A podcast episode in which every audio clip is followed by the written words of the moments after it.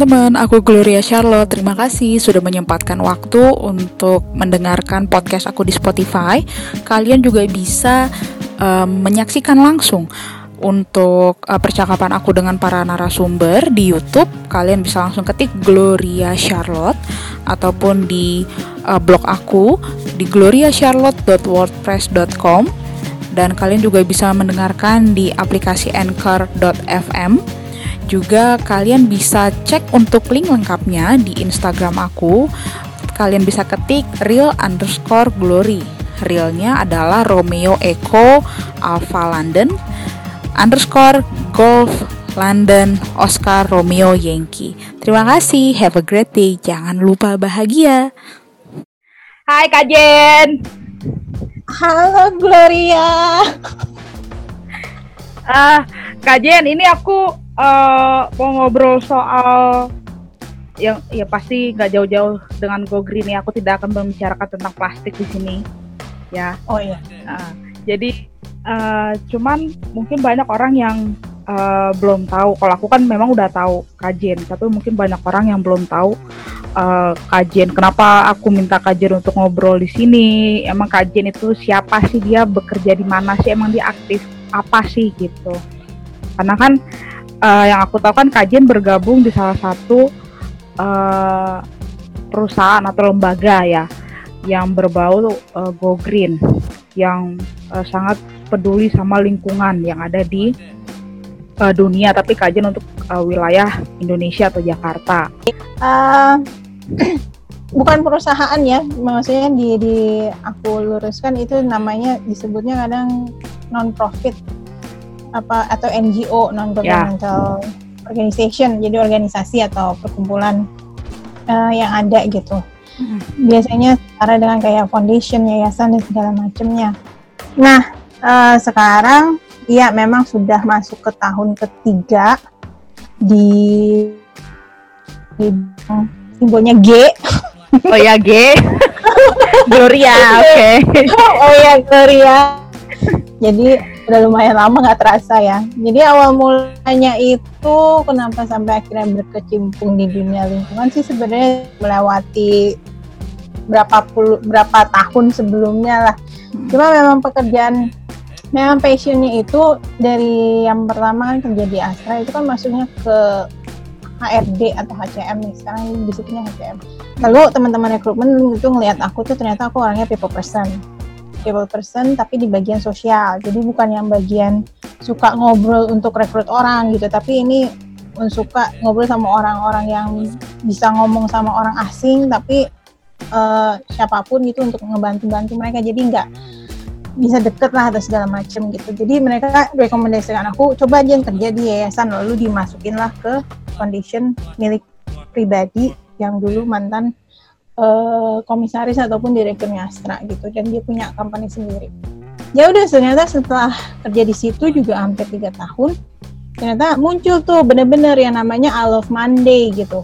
Nah sejak itulah aku mulai bertualang lah mencari uh, cobalah gitu setelah tiga tahun ini cobalah nyari uh, yang sejenis tetap NGO atau yayasan cari-cari dapatlah gitu. Jadi pernah ke anak-anak pernah ke sekolah, beasiswa segala macam, pernah ke perempuan dan akhirnya kenapa langsung masuk ke yang sekarang? Karena aku berpikir hmm, sebelumnya kita bantu yang memicu itu ada satu satu pengalaman bahwa kita bantu anak sekolah nih di pedalaman di pelosok kasih mereka sepatu baru baju seragam baru eh, pokoknya seragam baru lalu sekolah bahkan bisa bangun sekolah bantu bangun sekolah tetapi saat itu itu di daerah Kalimantan apa?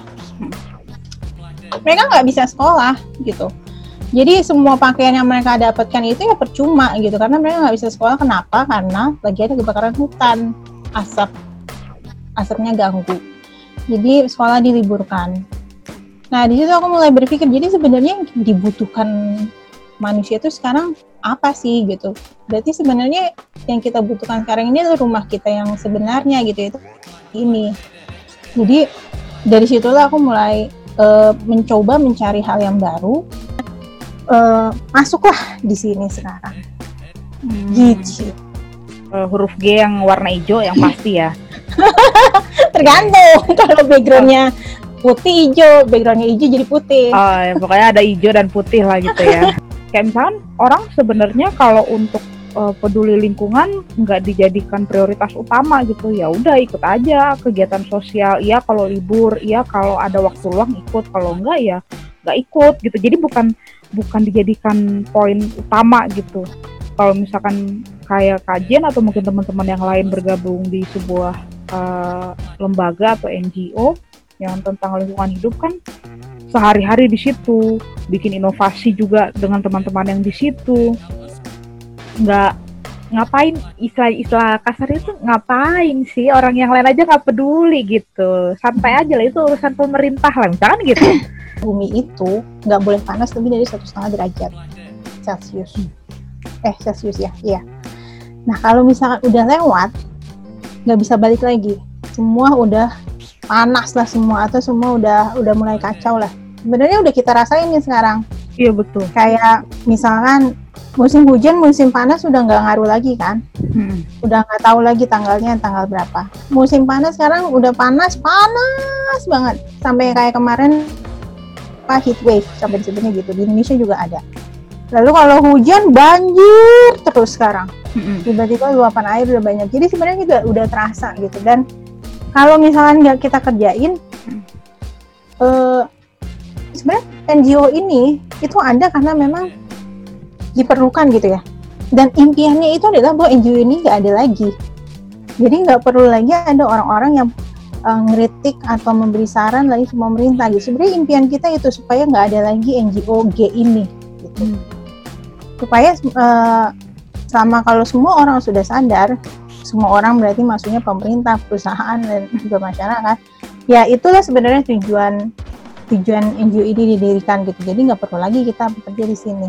Tetapi karena tidak ada yang peduli itu, ternyata ada sekelompok orang yang peduli dan mau mau mengubah sesuatunya itu dengan cara berdiri di tempat yang netral ya. Jadi nggak masuk ke pemerintahan, nggak masuk ke perusahaan, tapi kita benar-benar netral supaya kita bisa mengkritisi dengan objektif uh, untuk bisa antara bisa mengasih masukan juga pemerintah atau ke mana-mana gitu. ya, ini, ini ini perlu gitu. Ini yang bisa mengubah sistem atau mengubah kebijakan atau mendorong pemerintah dan mendorong uh, orang pihak lain dan bisa mengubah gitu. Makanya kita mau masuk aku mau masuk ke sini karena ada sesuatu hal yang bisa benar-benar terwujud dengan perubahan itu dengan apa yang kita lakukan gitu. Jadi nggak cuma kerja tiap hari Senin sampai Jumat dapat gaji tok. Gitu nggak nggak nggak begitu. Tapi kalau aku memang karena mau ada hasilnya ada resultnya nih. Jadi kita buat kampanye ini apa nih dampaknya? Itu kan diukur ya di NGO ini walaupun kita hmm. non profit tapi maksudnya bersyukur bahwa sistemnya sangat sangat sangat sistematis gitu. Ada satu KPIs dan segala macam sama halnya dengan orang-orang yang kerja di profit juga. Jadi profesional juga. Jadi uh, dan kenapa tetap kenapa kita mau kerjain? Ya karena kita peduli sama makhluk hidup yang lain gitu. Dan sama-sama manusia sama-sama hewan sama-sama masyarakat adat gitu. Masyarakat yang orang-orang yang kerja di hutan sana gitu. Karena ternyata uh, orang-orang ini kita kita semua di sini bisa melihat ada orang lain tuh yang juga ternyata lagi butuh bantuan dan mungkin nggak dilihat pemerintah atau bagaimana ya ya kita melihat mereka gitu. Orang-orang yang terpinggirkan nah kalau nih misalkan nih uh, Jen ada ada tawaran nih kerja di perusahaan gede gede banget lah pokoknya. Cuman pas uh, ditanya perusahaan apa? Oh perusahaan A gitu. Ternyata perusahaan A ini justru yang menjadi target utama NGOG hijau ini bahwa karena perusahaan ini paling banyak nih bikin bikin limbah, bikin plastik di Indonesia. Eh, Jen, tapi gajinya gede, Jen. Sebulan itu gajinya angkanya bisa uh, dua digit depannya. Jabatannya udah oke okay lah. Wah, mau fasilitas semua oke, okay. tapi lo harus kerja di sana, Jen. Nah, cuman kan aku pertanyaannya adalah mencoba melihat dari perspektif lain. Misalkan dapat tawaran pekerjaan seperti itu, tapi kan hmm, mungkin bisa jadi uh, agent of change di perusahaan itu gitu. Mungkin bisa juga merubah perusahaan itu uh, kebuka pikirannya jadi oh ternyata nggak boleh ya kita memproduksi segitu banyak nanti limbahnya bisa begini bisa begitu. Kira-kira tawaran itu diterima nggak kajian? Hmm, kalau misalkan jabatannya jadi presiden direkturnya atau ownernya aku terima. Tapi kalau masih staff atau masih ada orang yang di atas aku, di atas aku atau uh. ada tekanan dari yang lain, aku nggak bakal terima. Karena karena gini, maksudnya aku tahu diri juga lah. Maksudnya dengan keadaan realitasnya adalah setiap perusahaan itu namanya perusahaan pasti nyari profit kan. Ya. Kalau misalkan uh, dan perusahaan itu ada ada jajaran direksi, jajaran komisaris. Aku sih mendingan nggak usah sih. Kayak itu kan katanya ada, maksudnya lihat aja deh kenyataan sekarang banyak aktivis aktivis juga masuk ke pemerintahan nih, misalnya jadi staf khusus gitu. Tapi apa coba? Ternyata nggak berapa lama kita lihat hasilnya enggak nggak ada apa-apa gitu. Yang ada mereka jadi keikut sama alur pemerintah itu. Lalu ada yang di uh, masuk masuk ada nih ada nih benar ada yang masuk ke perusahaan FMCG fast moving consumer goods gitu dia dari NGO ya akhirnya nggak bisa juga nggak bisa berbuat apa apa juga. Maksudnya nggak nggak nggak nggak sejalan dengan yang tadinya dia perjuangkan gitu pada waktu dia di NGO karena apa ya? Karena ya mungkin mungkin ada iming-iming bukan iming-iming ya mungkin memang orang itu memang butuh salary yang lebih dengan keluarga segala macam. Akhirnya orang kadang bisa berubah kan? Berubah udahlah berubah aliran lah berubah arus. Ya itu juga nggak bisa disalahkan tergantung individunya makanya memang sih kalau masuk ke NGO itu memang perlu berani sih memang perlu keberanian karena harus walk the talk. Jadi dan ini aku nggak cuma karena berandai-andai ya karena ada di LinkedIn yang nawarin aku pekerjaan itu gitu. Hmm. pernah dia nanya, nawarin itu katanya iya nanti kamu apa untuk bisa mengubah bagaimana bagaimana bisa jadi lebih baik sustainable perusahaannya segala macam tapi nggak bi maksudku hmm, kalau cuma jabatan yang nggak punya wewenang yang penuh pasti akan mental juga. Bisa kok berubah karena itu yang kita lakukan kan di sini. Dan ternyata sudah mulai mulai menuju ke arah sana sampai pemerintah udah memulai suatu peta jalan sampah yang baru. Walaupun belum maksimal dan bisa di bisa di ini kan tetapi apa yang kita kerjakan ternyata terdengar juga oleh mereka. Jadi walaupun aku nggak perlu masuk perusahaan itu aku masih bisa mengerjakan tujuanku goalku di sini tetap di di NGO ini. Oke okay, nah gitu. kalau uh, mungkin bisa bisa uh, sharing gitu Kak Jen. Kalau sampai dengan hari ini di Indonesia ya di Indonesia aja uh, yang pernah ditangani atau pernah dilihat uh, atau dipelajari oleh uh, NGO G hijau ini uh, masalah paling besar dan paling sulit untuk di diubah untuk di diubah ke arah yang lebih baik lagi kalau di Indonesia itu tentang apa? Uh, ada dua dua hal sih yang terkait gitu antara uh, bilangnya gini golongan orang-orang kapitalis lah ya sama masyarakat. Kebiasaan masyarakat. Hmm. Jadi sebenarnya kalau yang kita sasar itu adalah bukan manusianya ya, maksudnya bukan masyarakatnya misalkan, tetapi adalah pola perilaku manusianya, membuang barang gitu, plastik itu misalkan. jadi makanya yang kita ini kan single use plastik jadi cuma sekali pakai langsung buang sekali pakai buang sekali pakai buang. Padahal dia bisa dipakai berulang-ulang kali. Dipikirkan aja coba berapa banyak itu akumulatif yang terjadi. Itu uh, itu kebiasaan yang mau diubahnya gitu. Maksudnya akar masalah di situ. Sayangnya kebiasaan itu tercipta oleh orang-orang kapitalis ini, orang-orang yang mau mencari profit, perusahaan-perusahaan gitu yang menciptakan produk plastik itu murah, nyaman, simple. Ujung-ujungnya tuh nggak melihat bahwa itu mencederai uh, bumi kita gitu ya. Akhirnya sekarang yang kita lagi alami laut banyak plastik, ikan makan plastik, makan plastik jadinya. Kita makan ikan jadinya kita juga makan plastik. Hmm. jadi dua hal itu sih yang harus harus kita ubah. Tetapi aku percaya bahwa seperti uh, memang sih di dalam satu sisi pokoknya tiga hal sih maksudnya pemerintah kapitalis uh, pemerintah perusahaan dan juga masyarakat tuh harus bersinergi gitu. Jangan mudah memakai membeli sesuatu lalu sekali buang tapi kita bisa berulang-ulang kali. Atau iya bisa berulang lagi mengulangi pakai apa, apa plastik. Memang susah sih sekarang ya maksudnya di belakangku aja nih masih ada botol bekas plastik nih. Tetapi ya ini yang aku pakai berulang kali gitu jadi aku buang tetap dipakai berulang kali. Memang kita masih susah untuk benar-benar lepas 100% dari plastik tapi setidaknya kita kurangin lah. Karena bantar gebang tuh udah full banget. Dan gak ada lagi kalau planet nggak ada planet B ya ada istilahnya gitu kita nggak bisa pindah planet gitu kalau misalkan semua uh, bumi penuh dengan sampah-sampah mau bagaimana gitu Hmm.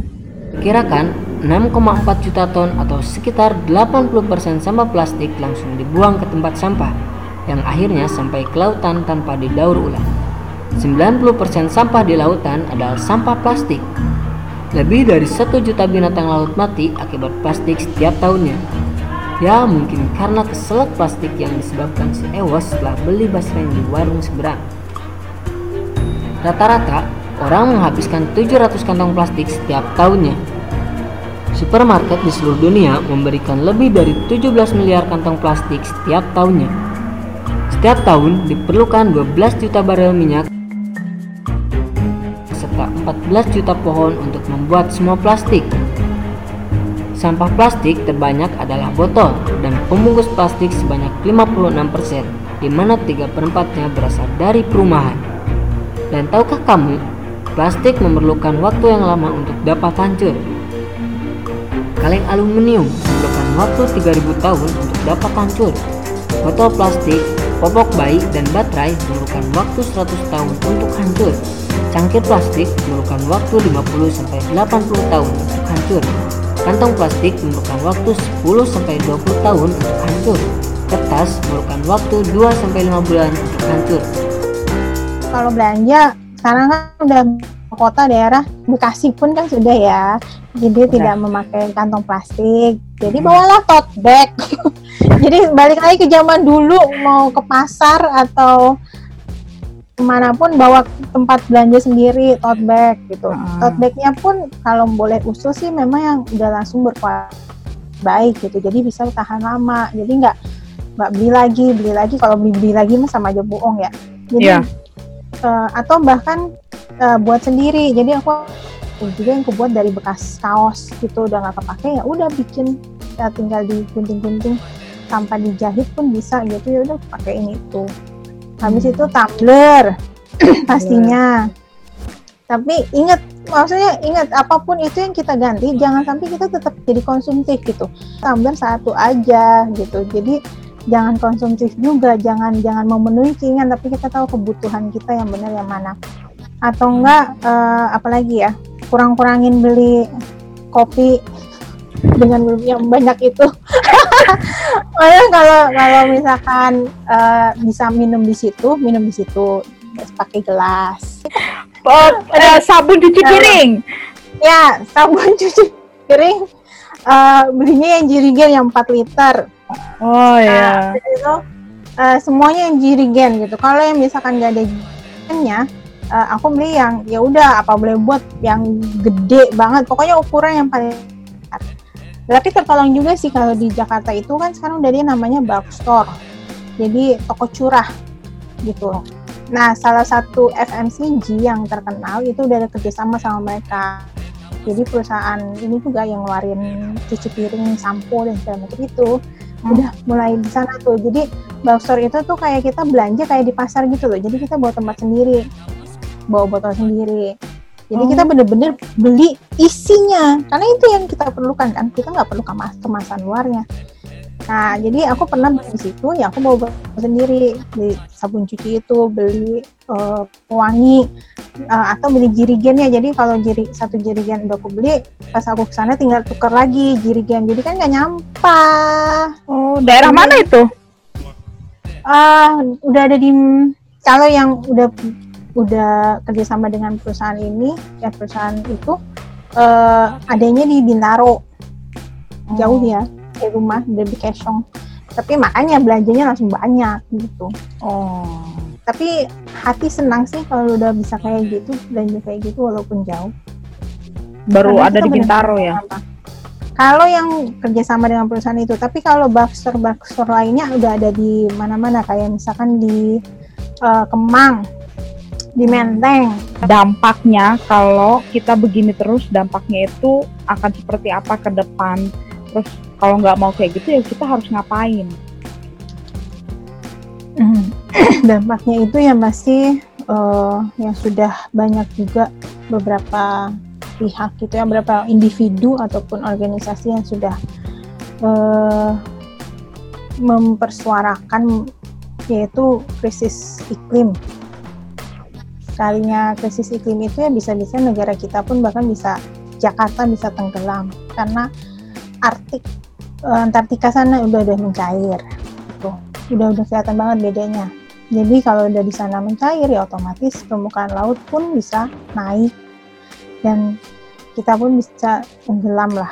Uh, dengan kacaunya iklim yang tadinya kita mungkin nggak pernah kena badai nama-namanya badai kita bisa kena atau hujan es atau segala macam kacau.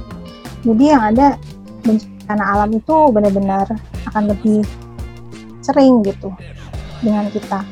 Yang kedua dampaknya lain adalah kesehatan.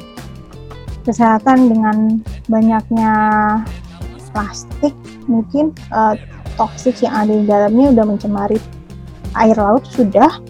Dan sekarang udah ada penelitian air tanah dan sekarang ada juga penelitian dengan uh, meneliti kotoran manusia dan ternyata sudah ada berapa persentase plastik masuk ke dalam tubuh manusia gitu.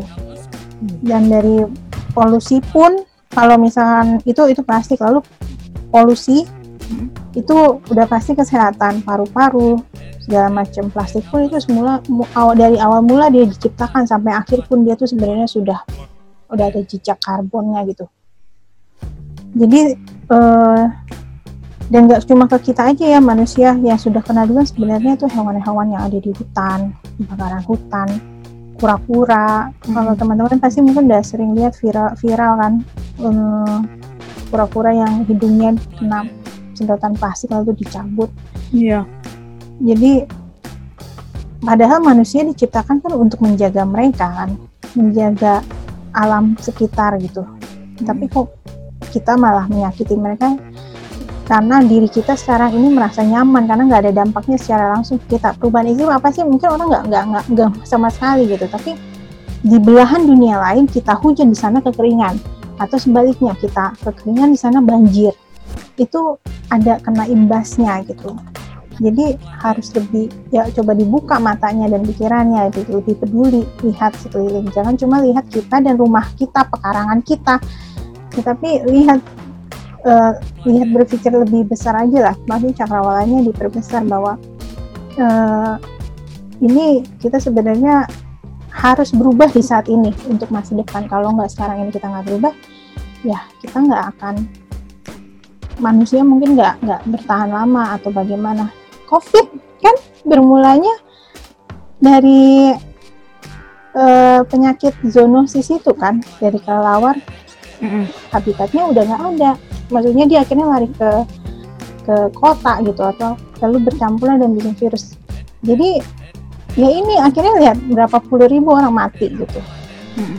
karena kesalahan kita sendiri Iya benar, jadi COVID itulah paling paling kelihatan lah dampak imbasnya. Dengan adanya COVID kita nggak keluar rumah, kata langit Jakarta lebih cerah gitu kan, nggak punya polusi segala macam.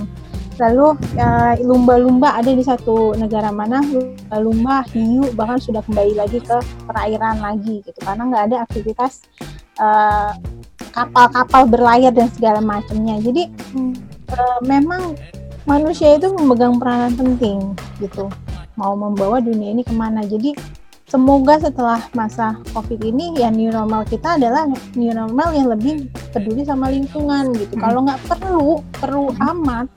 Naik angkutan umum, eh naik naik mobil pribadi gitu, bikin macet segala macam ya jangan. Kalau nggak perlu perlu amat itu minum kopi. Kalau di rumah ada bisa bikin sendiri ya bikin sendiri di rumah, gak usah ikut hmm. gaya-gayaan gitu. Jadi ya, lebih tahulah kebutuhan lebih penting dibandingkan cuma keinginan kita nggak bisa hidup dari keinginan doang tapi kita hidup dari kebutuhan ya betul baiklah kalau begitu Kak Jen makasih untuk Ya. waktunya untuk Sama-sama. untuk sharingnya.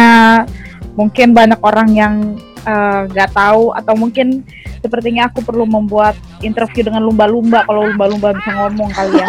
Biar manusia, biar manusia tuh pada sadar gitu ya. Kalau lumba sama kura-kura bisa ngomong ya kan. Heeh, bener.